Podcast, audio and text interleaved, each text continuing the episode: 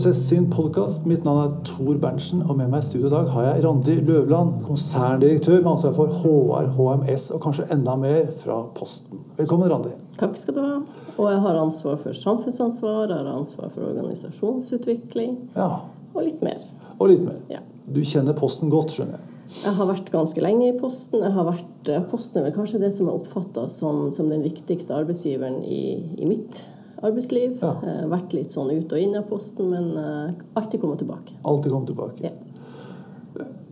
Jeg må jo si at jeg, jeg ville tro at det med Posten Dere fikk jo den første digitale endringen med e-post eh, som kom. Og så har jo kanskje Er dere ferdig med endringene, eller holder dere på fortsatt? Er det nye ting på gang? Vi blir aldri ferdig med endringer i, i Posten. Altså det markedet vi har der ute, det, det, skjer, det er så store endringer som skjer der hele tida. Altså, mail er jo ei side av det som, som gjør at uh, brevvolumene faller. Ja. Men det skjer jo så mye annet på, på den elektroniske utviklinga der ute at her må vi bare, vi må bare tilpasse oss. Ja. Hvis ikke så er vi borte. Og det har vi ikke tenkt å være. Vi skal være en bærekraftig virksomhet som også finnes her lenge etter at ikke jeg finnes lenger. Ja, Håper jeg. veldig bra. Eh, Kan ikke du si litt om arbeidssituasjonen til din, din arbeidssituasjon i dette selskapet i dag? Sånn slik du, du opplever det? Eh, Jeg har lyst til å starte sånn ti år tilbake i tid, for nå har jeg vært ti år i, i denne jobben. Ja. For ti år siden så var jeg transportdirektør i det samme selskapet. Med ansvar for de Var det den gangen du holdt på med fly og greier? Ja, da holdt jeg på med fly Ja, og de store bilene. Og det, det var virkelig det, det var veldig morsomt, det var utfordrende, og det var det å være leder tett på folk. Jeg tror aldri jeg har lært så mye om ledelse som, som i den tida. Eh, Så sånn sett det å gå over til i en stabsjobb hvor du har ansvar for faglig ledelse, Ja, etter å ha liksom erfart og, og vært leder og, og blitt leder, tror jeg var en, en bra ting å ha i, i ryggsekken. Og jeg kan også si at det var ikke frivillig å gå bort ifra det å være leder med PNL-ansvar og det å ha masse, masse folk og masse biler og masse fly. Eh, Men eh, jeg ble bedt om det, og etter å ha sagt nei to ganger, så sa jeg ja tredje gangen. Akkurat. Og jeg har ikke angret. Nei, så godt. Eh, Dere har jo gjennomført vår endringsmodenhet-indeks. Eh, Hvordan er det med? Dere- Er dere modne for å gjennomføre endringene, eller overmodne, kanskje? Nei, altså vi blir vel aldri helt moden. Og helt sånn Ting blir ikke perfekt. Det blir det ikke. Men vi har nå gjennomført omstillinger i denne virksomheten så lenge jeg har vært i den. Ja. Og tempoet øker. Jeg kan si sånn I snitt så har vi så sender vi jo 1000 ut døra. Vi, vi blir 1000 færre hvert år i, i virksomheten hos oss. Og de omstillingene vi gjennomfører, det er jo omstillinger som, som vi gjennomfører i, i nært samarbeid med, med de ansatte sine organisasjoner. Og på en måte som gjør at ting blir forutsigbart. Ja. At ikke ting kommer som, som en bombe. At man forstår årsaken til at ting skjer. At de lederne vi har der ute, er, er rigga for å, å møte og informere og være delaktig i de prosessene som, som skjer fremover. Og, og sånn kommer det til å være. Jeg sier ikke at det skal ut 1000 hvert år fremover, men, men eh, altså, vi, har, vi har holdt på med dette lenge, og vi har ennå ikke hatt én negativ overskrift i, i en av disse store avisene som stadig vekk snakker om dårlige omstillingsprosesser. Ja. Og det er kjempestolt av. ja, det er imponerende. Virkelig. Blir dere Jeg tror ikke endringen blir lett, men blir dere veldig mye bedre, bedre på det? På det? Altså, er det Dere jobber kontinuerlig med utvikling og nedbemanning og organisasjonsendring og tilpasning.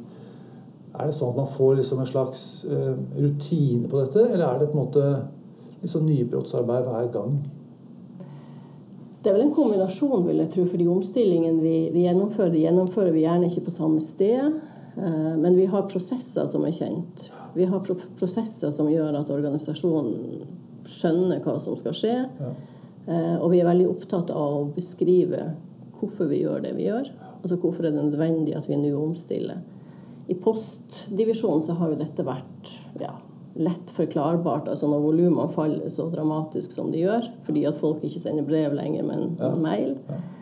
Eh, Men likevel, det å få det omsatt liksom, og hva betyr det så for, for meg i, i mitt virke? Altså den, den enkelte bud der ute, den enkelte terminalarbeider. Så, så, det at vi liksom klarer å gjennomføre prosesser på, på, lik linje som gjør at det blir forutsigbart, selv om vi hele tida må, må, drive med, med skreddersøm fordi at enhver prosess er ulik, og ethvert menneske er ulikt. Ja, ja det er klart. Ja. Hvis vi går langt, langt tilbake til, så hadde e-posten så kanskje den viktigste eh, årsaken til at dere måtte endre dere. Hva er de viktigste årsakene i dag? Det er vel tempo. Altså Den teknologiske utviklinga går jo fremover. Det, det, er stadig nye muligheter. Det er stadig nye og kan du si, annerledes konkurrenter som dukker opp i markedet. Mer sånn disruptive leverandører som, som ikke liksom har hatt den der historiske utviklinga som, som, vi har hatt, men som gjerne starter med altså Det å drive med, med budvirksomhet i Norge, det krever en bil og et førerkort. Ja. Og du trenger ikke tunge datasystemer lenger. Altså, det, det, altså du bare se på Uber hvis du går inn i drosjenæringa eller BNB i, i hotellnæringa. Altså, den type løsninger er jo på full fart inn i, også i denne bransjen som vi er. Hva, hva vil, vi skal gjøre litt reklame for Posten. Altså, hva, vil være, hva er fortrinnet? Altså, hvorfor skal man velge dere framfor et annet selskap? Som arbeidsplass eller som kunde? Nei, som, som, kunde tenker jeg på først og fremst. Men hvis, du, hvis vi først har arbeidsplass, så tenker jeg at det, det, er Altså vi er en skikkelig arbeidsplass. Vi er ordentlige. Vi har, vi har styr på ting. Ja. Eh, sånn det at liksom redelighet og respekt er liksom det som råder for de som, som, jobber her. Og det vil også være det som råder i, i relasjon til kundene. Altså det at vi, de kan stole på at vi, at vi, gjør det vi sier vi skal gjøre. Akkurat. Så det å, vi lever jo av tillit. Mm. Det er jo det som er, som er det viktigste assetet vi har. Rett og slett gode mennesker og, og tillit. Og etter hvert nå, du, du, du spurte liksom om utviklinga i, i, bransjen. Etter hvert så er det jo sånn at man snakker om at man skal levere varer inn i, innenfor dørlåsen til folk. Ja. Gjerne inn i kjøleskapet til folk. Vi driver jo og leverer matkasser, eksempelvis. Og nå vet jeg ikke hvor fort denne utviklinga går, men, men altså det gjør jo at den tilliten er du 100 avhengig av. Ja. Og den tilliten høster vi i dag, og det er jo den som blir så, så, viktig for oss å forvalte også fremover. For skal du inn i privatlivet til folk, så er du avhengig av tillit. Ja, ikke sant. Ja, det ser jeg. Jeg så en sånn uh, nytt uh, nytt forretningsområde for Amazon, som er det berører det du snakker om med mm. kameraer og automatiske låser og mm. slipper folk helt inn. Og alt dette tester vi òg. Ja, selvfølgelig. Ja. Det, er, det, er, kanskje ikke like aktivt å reklamere for det. nei, nei, men i testperioder så ja. vi, vi, sier fra når vi har produktet klart. Vi. Ja, ikke sant. Og så er det bare smack inn. Men da er det kanskje det samme for kunden også. Da. Dette med tillit og, og, og, noen etiske verdier. At vi må stole på dere. Mm. Og det er kanskje den største forskjellen. I hvert fall sånn helt inn til døra-leveranser. Ja, Men det betyr jo ikke at, ikke at man ikke skal ha tillit til konkurrenter, men, men, jeg tenker jo at tillit er noe du bygger opp over tid, ja. og liksom river ned over natt. Ja, ikke sant. Ikke sant. Eh, og, og, vi har vist oss den tilliten verdig, og vi har jo tenkt å vise oss den tilliten verdig også i framtida. Ja. Ja. Men du havna ikke her sånn med en gang. Hva gjorde at du ble leder? Og hva var de viktigste valgene, eller viktigste hendelsene bak det, det valget? Jeg vet ikke. Altså, jeg, tror, jeg, tror, det er Eller jeg vet at det er tilfeldig. For det var ikke et bevisst valg. Jeg skulle egentlig studere geografi. Og så ble det dette okay. istedenfor. ja, og, jeg, og jeg tror at det der Det at, det, det at mennesker har, har trodd på meg, det at folk har sett meg og gitt meg tillit og gitt meg tilbud som jeg har takka ja til, ja. liksom og tort og tatt det er vel kanskje den viktigste årsaken til at jeg er der, der jeg er. Ja. Men jeg har aldri liksom tenkt at fordi at faren min var leder, så skal jeg bli leder. Det, der har ikke jeg vært. Nei. Nei. Geografi var deg, altså? Undervisning, da, eller? Hæ? Var det undervisning du tenkte på? Nei, nei, nei. nei ikke, altså, skulle studere geografi på Universitetet i Bergen, og så hadde jeg sommerjobb i Posten for å tjene penger i forkant av studiene. Og så viste det seg at Posten har ei sånn etatsopplæring. Hadde ei etatsopplæring som var betalt utdanning osv. Og, så og så tenkte jeg OK, kan bli her et år, da. Ja. Eller to, eller Og så bare Og så ble det mange. Ble det mange. Ja, spennende. Hva tenker du Du har vært leder i mange år, og jeg tenker sånn at det er liksom liksom epokeorientert. Altså et tiår så snakker ledere om effektivisering, så snakker de om standardisering, så snakker de om innovasjon f.eks., eller noe annet. da. Eh, hva tenker du er den viktigste utfordringen for ledere i dag, slik du ser det? Altså, jeg tror det det er veldig vanskelig å generalisere fordi at ledere er så forskjellige, og de er i forskjellige virksomheter. Men hvis jeg tar utgangspunkt i meg sjøl, så er det vel tempo og tid. Altså Ting går så mye raskere, og vi merker jo liksom den, at den utviklinga rundt oss skjer så fort. Eh, og så vil du mye mer enn det du egentlig kanskje har kapasitet eller ressurser i din avdeling til å, å, gjennomføre. Og da må du inn i harde prioriteringer, og den syns jeg ja, ja, du vil mer enn det du egentlig har, har tid og kapasitet til. Nei, det, det, det, det, kjenner jeg godt til. mange av mine ledersamtaler handler om prioriteringer. Beinharde. Det er nesten som om man kjenne at helsa ryker før man klarer å ta de store valgene. Det er jo ikke helt sunt, kanskje, men, men, eh, men ok. Nei, det er kanskje det, altså. Nei, men det er også det der med å ville mye. Ja. Når du vil mye og ser at du har liksom bare begrensa ressurser og begrensa tid, ja. så, må du, så, må du, gjøre en prioritering. Og så kan du sitte åh, det der måtte jeg velge bort. Ja. Du... Men du må jo gjøre det som er viktig for forretning. Altså, vi er jo, det å jobbe i stab tenker jeg, er jo ikke en sånn, sånn, greie hvor du går rundt og har det hyggelig i stab, men du skal jo hele tida understøtte en, en, virksomhet der ute. Og være nær på dem og ha, ha liksom temperaturen ute i organisasjonen hele tida. Sånn at når du prioriterer, så må det På en måte så er det litt lett. Ja, okay. Fordi at du må prioritere det som er viktigst for, for virksomheten der ute. Altså der vi tjener penger. Ja. Du snakker varmt for en forretningsorientert. Hva har du da? Ja, det gjør jeg virkelig. Og det er, det er, vel årsaken til at når jeg kom hit fra en forretningsvirksomhet med, med PNL-ansvar og inn i en sånn jobb, så det første jeg gjorde, var jo å etablere ei ledergruppe hvor jeg tok med meg virksomheten inn. Sånn at alle, alle HR-sjefene ute i divisjonene sitter jo med inn i ledergruppa hos meg, med lik mulighet til å bestemme og, og påvirke. Så sånn har vi hatt det i ti år. I ti år? Ja. Jeg har et spørsmål som jeg er veldig glad i, eh, som går på omdømme. Mm. Se for deg at du går ut i gangen her, og så går du forbi to medarbeidere som snakker sammen. De ser ikke deg, men du hører hva de sier. da. Det var en skillevegg her eller et eller annet sånt som du ser for deg. Ja. Den ene kjenner jeg veldig godt, og så er det den en som er ny. da. Og Den nye medarbeideren spør den som kjenner deg godt, om hvordan du er som leder. Og den som kjenner deg godt, svarer jo med en setning da. Jo, altså, Randi, hun er hun er systematisk. systematisk. Hun er målretta. Hun gir og tar ansvar. Ja. Og så er hun ganske så uformell. Ja. ja. Akkurat. Det tror jeg de ville ha sagt. En strukturert person som det går an å snakke med og få kontakt med. Ja. ja. Høres bra ut. Hva, hva motiverer deg til å være leder? Altså, hvor finner du inspirasjonen? det er jo så herlig å lykkes. Ja. Altså Når alle de målene du setter deg sammen med folk Ikke alle de målene, men, men, når du når et mål og kanskje overleverer på et mål, og liksom feire disse, disse seirene som du har sammen med dine, det, altså det gir deg jo inspirasjon til å gå på videre. Et ja. eksempel. Vi har jo, har jo ansvar for miljøet, altså samfunnsansvarsdelen hos, hos oss. Og i 2008 så satte vi oss et mål om at vi skulle Vi mente vi var hårete altså den gangen. At vi skulle redusere CO2-utslippet med, med 30% Det klarte vi to år før. Før den oppsatte tida. Og så satte vi oss et nytt mål. Ok, da tar vi 40, da. Det nådde vi òg to år for tida. Så nå har vi liksom sagt at nå skal vi være være ikke-fossil i 2025, og den kjenner jeg svir litt, altså. men, men altså det at du setter deg hårete mål, men som er De er jo realistiske på et vis. Ja, ja. Men det er Jeg vet ikke om dette er sant, men det er kanskje sånn Man har hatt et inntrykk av at Posten kanskje ikke er det mest innovative eller fremadstormende selskapet i verden. Mm.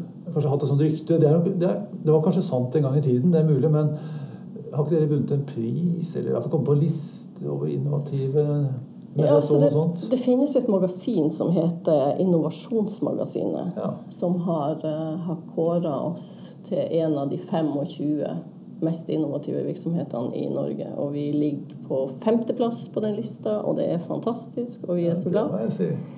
Men, men, men, vi har jo jeg tenker det, det er egentlig noe med å, å synliggjøre det vi, får, det vi har gjort.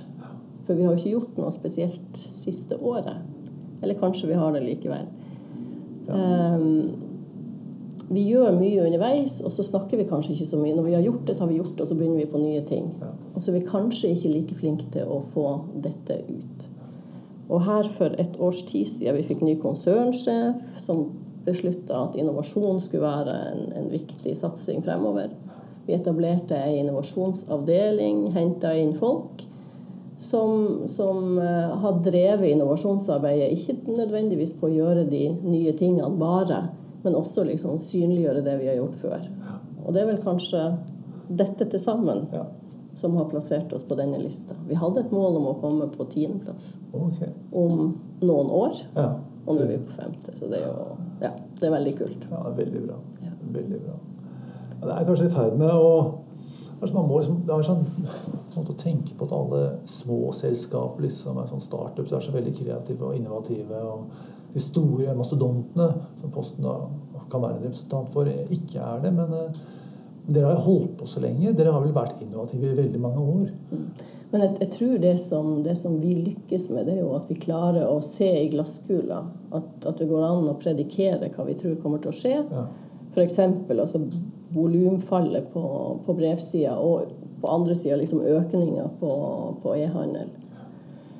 Eh, og vi har også, vi har også liksom sett at marginene innenfor logistikkfeltet går ned, så her må vi gjøre et eller annet. Så, så det at vi hele tida liksom har skjønt at om ett år eller to eller tre så skjer dette, så nå må vi forberede oss på. Og det er jo derfor vi nå kutter lørdagen som en distribusjonsdag, f.eks., og si at det vi ønsker fremover, er distribusjon annenhver dag. Som er en liten revolusjon, men, men volumet tilsier ikke at folk slutter å sende mail. De kommer til å fortsette med det, tror jeg. Så får vi håpe at de sender julekort. Ja. For det er mye hyggeligere enn på mail. Ja.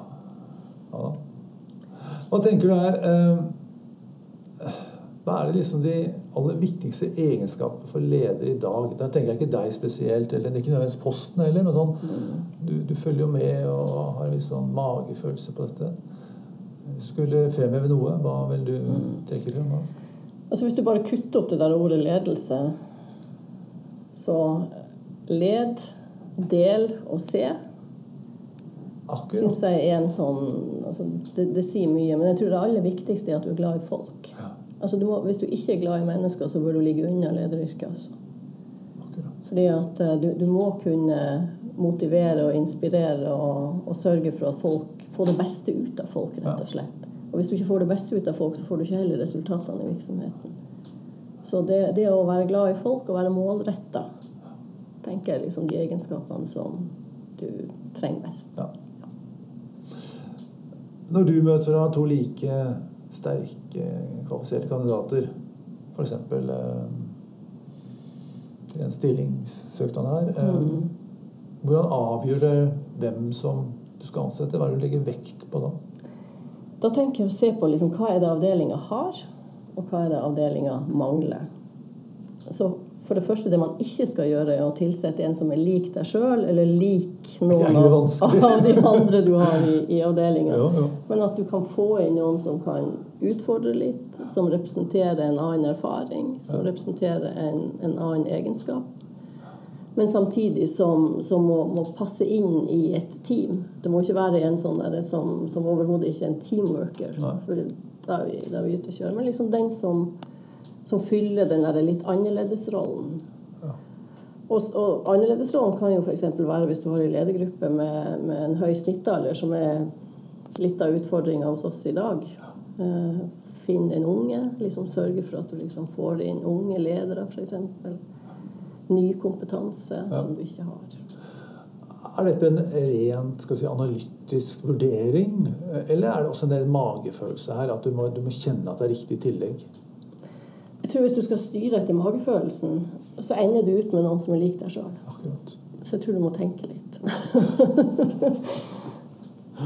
Ja, det er bra.